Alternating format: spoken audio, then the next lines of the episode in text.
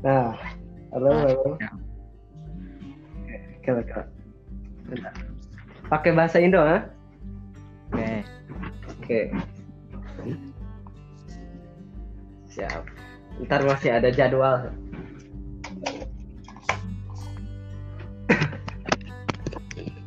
Oke. Mm, Eh, tes tes tes. Kedengar? yes. Kedengar? Iya, siap. Oke, siap. Satria Zulfikar ya. Oke, sehat? Alhamdulillah. Alhamdulillah. Oh. Gimana corona corona di sana? Eh, Alhamdulillah Sumedang termasuk wilayah biru sesuai informasi dari Gubernur Jawa Barat, Cep. Oh, oke. Cikarang, eh Cikarang gimana, Cep? Tasik, Tasik. Apa? Tasik. Eh, Alhamdulillah aman. Sekarang nggak ada, Wah, siap, mantap. nggak ada. Ya, tapi masih ada pengawasan gitu. ODP yang kemarin yang lost ODP gitu. Oh, Ya. Nih, di sini nih. Satria teman saya di waktu di pesantren nih. Dari kelas 10 sekelas sama saya ya.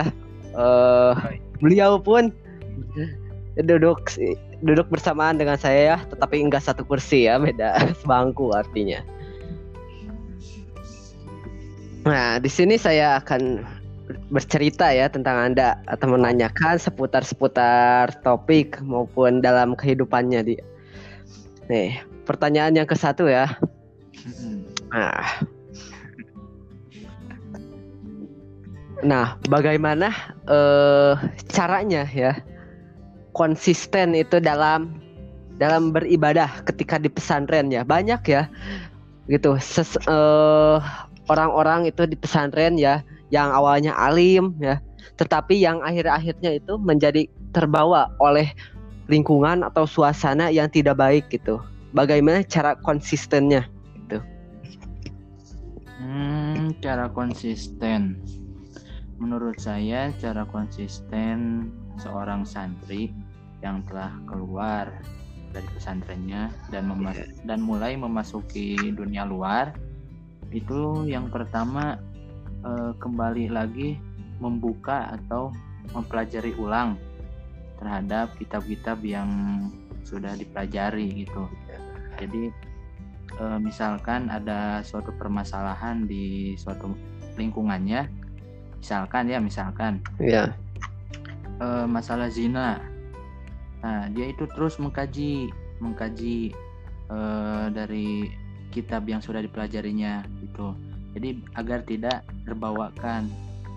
Kemudian ya yang keduanya itu eh, dari pergaulan juga bisa.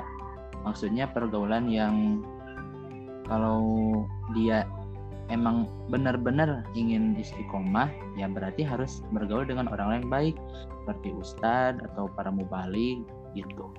Ya, ya. Nah, misalkan gini ya.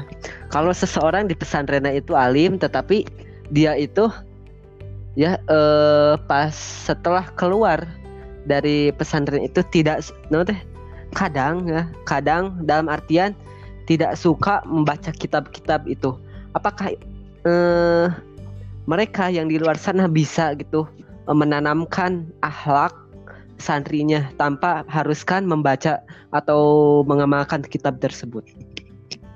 Hmm, kalau menurut saya sih itu berurusan dengan hidayah juga ya, hidayah dari Iya. Allah juga. Menurut guru saya, guru ngaji saya di sini, emang sih eh, apa lulusan dari pesantren itu belum menjamin gitu, belum Iya. menjamin bahwa orang tersebut soleh gitu, baik, enggak enggak ngejamin gitu. Jadi bagaimana ke dirinya sendiri gitu, kembali kepada dirinya sendiri apa sendiri. dirinya itu ingin benar-benar baik atau hanya disuruh orang tua saja masuk pesantren itu atau gimana lah Iya. dengan alasan yang lain gitu. Hmm, Gitu. Nah, kalau misalkan eh eh, Anda ya hmm. misalkan ketika keluar ya ada teman anda itu ya teman dekat ya uh, misalkan non muslim gitu ya hmm. apakah uh, dalam artian di kehidupan pesantren itu bisa nanti mencerminkan atau mengamalkan kepada orang non muslim ketika uh, ada apa orang non muslim ya bertanya kepada anda bagaimana Islam itu kok gini kok gini kok gini? gitu. Oh jadi jika or teman sahabat kita ada yang dari non muslim terus menanyakan tentang Islam kok gini adanya? gitu ya, kan artinya ya gitu. Ya mungkin saya akan jelaskan eh, apa hal yang demikian itu merupakan oknum gitu misalkan kok orang-orang yang zina, yang suka judi, mabuk itu dari kalangan Islam. Nah, saya kan menjelaskan bahwa itu ya emang dia itu jauh dari agamanya gitu. Begitu juga dengan orang yang non muslim, contoh orang Kristiani atau orang Buddha. Pasti yeah. ada lah yang menyeleweng dari agamanya sehingga mereka menjadi demikian gitulah. Jadi apa? Apa bad attitude gitu. Bad attitude iya iya oke. Okay. nah gimana cep? Jelas cep? Aduh grogi eh ngejawabnya eh.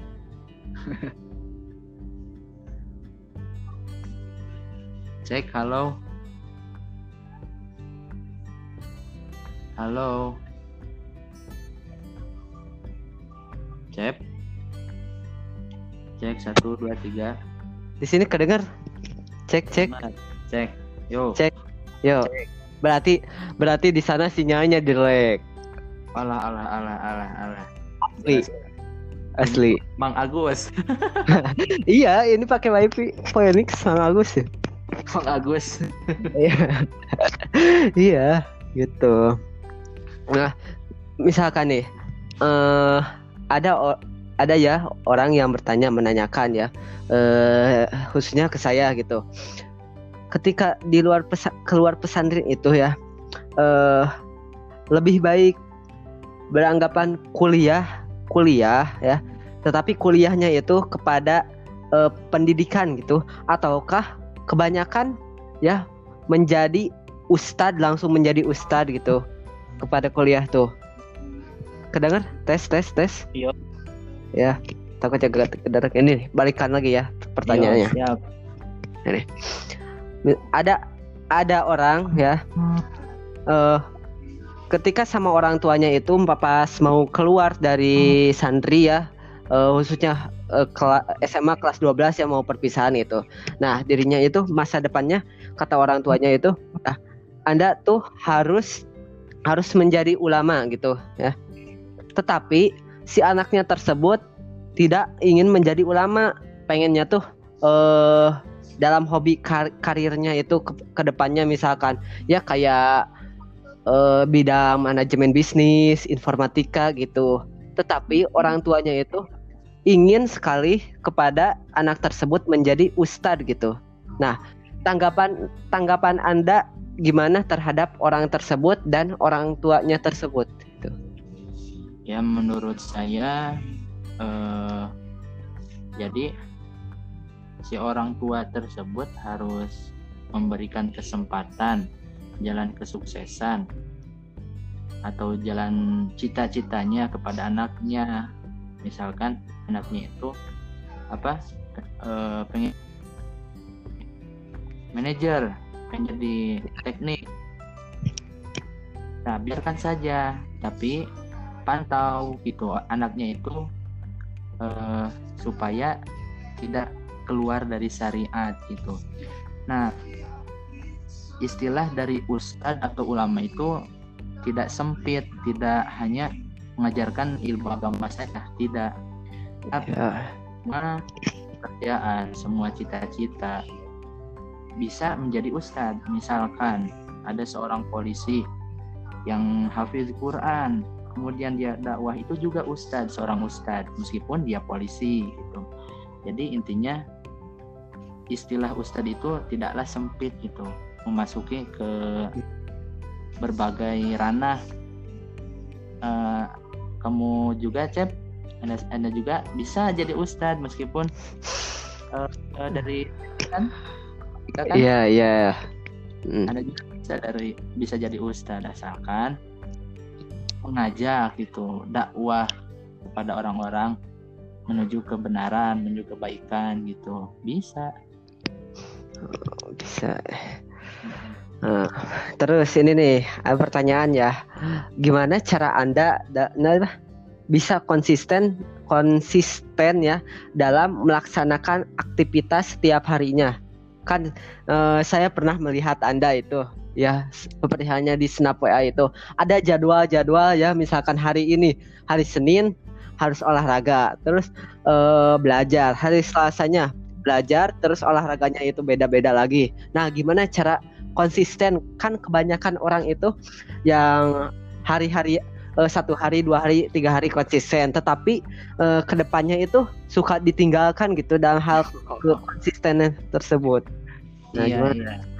iya. ya kalau saya ya eh, tujuan dari membuat jadwal yang udah dimasuk yang udah diberitahukan ke di snap WA gitu di status WA itu dengan tujuannya itu agar apa ya terstruktur gitu eh, pembelajarannya. Soalnya saya mengejar target.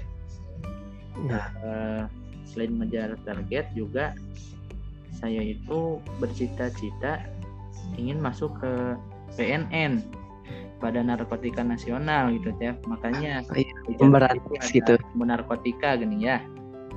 Hmm, gitu. Jadi ketika misal nih apa ketika saya sudah tidak konsisten lagi uh, terhadap jadwal saya harus sadar gitu terhadap visi dan masa depan saya gitu Nah itu tuh jadwal tuh kalau istilah organisasi mah misi. Kan ada visi ada misi ah, ya. iya, ada misi. Nah gitu. Ya semoga aja cep. Uh, apa? Konsisten lah. Soalnya, nah pe uh, pesan anda buat orang-orang yang belum konsisten gitu. Gimana konsisten maksudnya dalam aktivitas? Iya dalam aktivitas sehari-hari gitu. Oh aduh menyampaikan pesan itu lumayan berat ya. Soalnya apa yang saya omongkan juga belum tentu saya lakukan. Ya wajarnya gitu deh. Wajarnya. Saran gitu kepada orang-orang ya agar konsisten lah dalam uh, kegiatan sehari-harinya terutama dalam kegiatan yang positif. Misalkan berbisnis harus konsisten gitu. Harus apa? E, jangan menyerah. Kemudian bagi para santri atau pelajar lainnya harus konsisten dalam belajarnya. Ingat apa? Masa depan tuh tidak mudah gitu. Tidak semudah membalikan tangan akan tetapi harus ditempuh dengan perjuangan gitu. satunya dengan belajar gitu. Duh sabra ya tenang aja. Nah tips gimana sih? Nah cara uh, memilih seseorang itu mana orang yang benar-benar tulus untuk menjadi teman kita?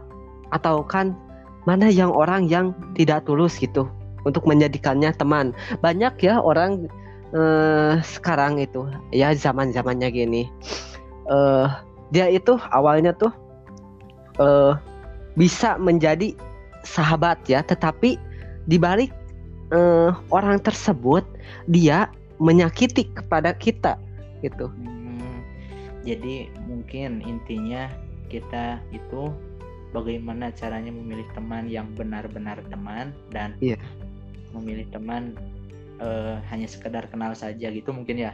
Nah gitu. Nah, kalau menurut saya dengan cara saya sendiri gitu ya Cep. Jadi eh, saya itu bakal ngajak ngobrol. Misal ya misal saya eh, meng, apa punya teman si A. Nah saya itu pengen tahu dia itu emang benar-benar teman saya atau hanya sekedar kenal saja gitu. Caranya saya akan mengajak terus ngobrol ngobrol ngobrol ngobrol ngobrol. Nanti kan akan terlihat gitu dari ucapannya menunjukkan sikapnya gitu kan. Iya. misalnya kalau orang tersebut nyaman diajak ngobrol kemudian dia terbuka dia peduli kepada apa peristiwa yang kita alami nah itu kemungkinan besar itu bisa menjadi sahabat. Karena menurut saya teman dan sahabat itu beda cep. Kalau Hmm, teman gimana beda? kalau teman itu kayak gimana ya? Kayak orang lain kita tahu gitu dia itu hanya kenal gitu. Tapi kalau sahabat itu suatu apa seorang teman yang emang benar-benar dekat jadi ikatan batinnya itu udah kena gitu satu pemikiran satu rasa gitu Jab. Oh. Oke, siap Satria. Nih, nah sekarang eh, di kalangan remaja-remaja sekarang ya, terutama di perkuliahan itu ya, banyak orang yang, apa ya, berbanyak pacaran ya, banyak pacaran. Tak, menurut anda eh, sikap orang-orang tersebut pacarannya itu gimana? nah ini masalah pacaran itu memang masalah sensitif ya Nah, makanya saya nanya gini karena Anda belum pernah pacaran. wah siap. Ini aja tiap emang sih eh, pas saya keluar dari pesantren kemudian memasuki dunia perkuliahan dunia luar eh, agak sedikit kaget gitu ya. Ada yang pacaran sambil pegangan tangan sambil ya rangkulan tangan gitulah tanpa ada batas. Yang menurut saya sih secara sosial itulah umum ah, bu- bukan umum wajar gitu ya tapi kalau dikaitkan dengan agama itu udah kelebihan batas tiap jadi kalau itu di pihak kontra ya pihak kontra terhadap pacaran karena apa lah sudah jelas lah dalil-dalilnya juga tidak usah Iya, iya, iya. iya. sebutkan ya takutnya ada yang apa tersinggung Hmm. Ya. jadi kalau menurut saya yang mau pacaran ya silahkan terima konsekuensinya. Kemudian kalau nyaman ya lanjut. Kalau misalnya nggak nyaman ya jangan. Terima resikonya itu terima sakit hatinya. Nah. nggak apa nggak jauh gitu ya pacaran dan apa eh, pacaran sama sakit hati itu nggak jauh gitu ya. Jadi harus terima terima aja konsekuensinya. Hmm, yang nggak pacaran gitu. Bagus stop itu kalau dikasih jempol lah empat semuanya lah jempol empat. Nah, em, eh, gimana sih itu caranya agar ya kuat dalam eh apa, tidak tidak berpacaran gitu? Seperti Anda gitu kuat dalam godaan-godaan terhadap wanita. Oh.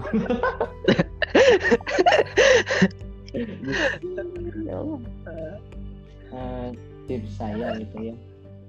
Cara saya itu ada lah yang pertama ada wirid atau zikir yang emang dulu pernah dikasih pas waktu SMP dari kiai. Itu ada meditasi lagi gitu. Kemudian yang kedua dari didikan orang tua juga gitu karena orang tua juga melarang kalau saya itu Mhm. pacaran. Bahkan dulu dulu pas saya SMP atau SMA gitu ya orang tua saya itu ngancam gitu lah ngancamnya gimana? Jadi kalau saya apa ketahuan pacaran bahkan sampai kelewatan batas wah itu udah nggak dianggap lagi anak ya. Lagi anak dicoret dari kakak ya? Makanya itu jadi kayak belum punya penghasilan sendiri gitu. Uang juga biaya kehidupan juga dari orang tua gitu. Bisa lah. Iya. biaya kehidupan biaya belajar dari orang tua dipakai pacaran. Wah itu kalau masuk dosa itu dosa orang tua ya. Durhaka kepada orang tua wah be- besar cek Eh, anda pun anda punya kakak kan? Mm. apakah kakak anda itu pernah pacaran ataupun tidak seperti anda gitu? Ya makanya saya dididik tidak pacaran karena kakak saya juga pacaran ya oh, gitu. Ya jadi kakak anda itu pernah pacaran gitu tetapi ya udah tahu eh, orang tua eh, ketika anaknya itu pacaran gitu ya jadinya ke anak eh, ke adik-adiknya tuh menekankan untuk tidak boleh berpacaran seperti itu terlebihnya lagi saya bukan madhab pacaran tapi madhab ta'aruf oh ini Hitbah dong siapa ya nih nih nih yang yang mendengarkan podcast ini ya setelah ini nih. Nah, yang mau langsung hitbah bersama Satria Zulfikar, chat aja ya sama saya gitu. Eh, Ditonton loh banyak di Spotify kemarin juga. santuy ya Cep. Aduh. Nah, emang ada apa? di Spotify Ada dihubungkan kepada Spotify. Kemarin banyak yang nontonnya itu di Spotify gitu. Alumni banyak Kalau ini ya ya nggak tahu sih eh, namanya namanya gitu, tetapi eh, ada persentase playlistnya gitu di situ yang nonton, yang nonton berulang-ulang ada gitu. Malu. Nah, pengalaman sharing ya. Nah, yang terakhir ya, tips gimana sih biar bisa dong teh ya dalam hal konsisten lagi nih dalam konsisten ingin eh, setiap hari sholat malam gitu ataupun eh, bangun bangun tidur itu jam 3 gitu seperti karena anda. Saya pernah sering melihat anda sewaktu pesantren ya ke masjid itu pertama gitu. Nah gimana sih? Oh, tetap gitu seperti halnya gitu. Menyangkut konsistensi menyangkut istiqomah itu emang berat ya. Berat. Dan juga ini eh, masalah bangun malam masalah belajar. Itu emang kadang belajar kadang saat malam kadang enggak itu jadi susah emang benar-benar susah gitu. Sulit asli. Sulit. Ya saya sendiri juga butuh tips sih. Butuh tips ya.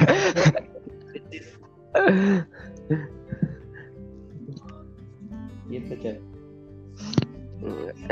apakah anda pernah melihat yang semacam ho- gaib gitu ketika di pesantren gitu? Ataupun tidak? Wah cek tahu pas osis MPK dulu pas oh 2012 ya terus? Itu pas pemilihan apa? Pemilihan ketua osis yang MPK Ya. nah pas waktu kejadian malam jam 2 itu di gor rame Cep. angker. Itu A- akhirnya bagaimana? Bukan ngelihat tapi dijail. Dijailin gitu Cep. hmm, dijailin. Tahu kan itu apa? Tempat angklung oh iya iya. Yang di atas ya di lantai dua gitu. Dua. Nah pas beres-beres di gor itu awalnya sih nggak nggak ada apa-apa gitu ya. Cuman mati apa mati lampu nyala lagi mah udah biasa tapi pas itu si suara alat kesenian itu tiba-tiba apa bunyi aja cek jadi bunyinya tuh pelan-pelan dulu kayak suara angklung klung klung gitu kan terus gendang tak tak tak gitu kan nah Hmm. lama kelamaan itu semua alat kesenian bunyi semua Cep ya Oh. auto kabur Oh iya iya. Anda bersama siapa pas di lokasi tersebut? pas di lokasi itu saya saudara Rizwan kemudian siapa ini satu lagi ada bertiga ya. Eh, satu lagi itu siapa nih lupa lagi asli saya Rizwan pokoknya Hmm, itu satu lagi lupa Lupa, oke. Tetapi di eh, ketika setelah melihat tersebut, apakah Anda merasa ada hikmahnya gitu dari eh, kejadian tersebut? ya emang kerasa hikmahnya Cep jadi hikmahnya itu ketika ya lalai mengingat Allah itu itu gampang gampang banget di jailinnya Jailin ya.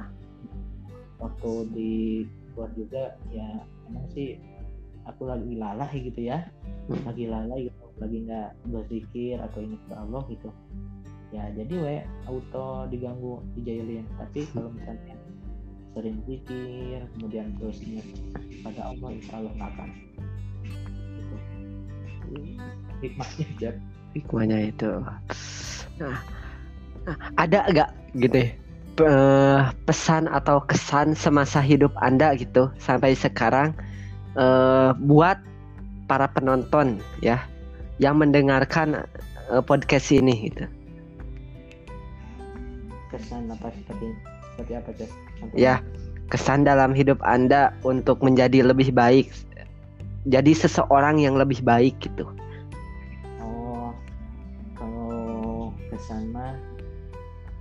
Kaitkan ya kepada prinsip saya gitu. Prinsip saya itu jadi apa eh, cemooh cemoohan orang lain adalah motivasi saya, adalah bahan bakar saya untuk berubah menjadi lebih baik. Jadi meskipun apa orang lain terus mencemooh kita, meledek kita, jadi ini tuh sebuah bahan bakar semangat kita untuk berubah menjadi lebih baik misal kita itu emang benar-benar orang miskin gitu ya Iya. di, terus diledek dicemoohin sama orang lain. Dasar orang miskin dasar apa dasar apa gitu.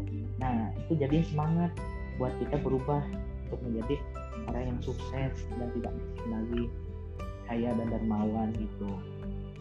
Jadi jangan dengarlah omongan orang lain yang memang nyinyir. Iya, iya. hadapi aja dengan siap. Siap. Hah, gitu. Oke. Oke, Satria Zulfikar ya. eh lumayan ya udah setengah jam ya gak kerasa ini. Setengah jam podcast ngobrol-ngobrol ya dalam artian semoga eh, dalam ya hal podcast ini bisa menjadi bermanfaat buat orang-orang di luar sana ya itu bisa bisa eh, tercancap gitu dalam dirinya. Hikmah ya dari eh, apa yang dibicarakan eh, di waktu ini di podcast ini. Gitu. Ya amin. Nah, dan semoga eh, Satria Zulfikar tetap sehat gitu. Konsisten lebih konsisten dalam hari ke hari itu menjadi lebih baik ya nah, terima kasih sekali lagi ya, Sat. Iya, ya, ya uh, nanti uh, rekaman videonya saya kirimkan ya melalui ya. Gitu. Yo. Yo. Terima kasih ya sekali lagi. Wassalamualaikum warahmatullahi wabarakatuh. Waalaikumsalam warahmatullahi wabarakatuh.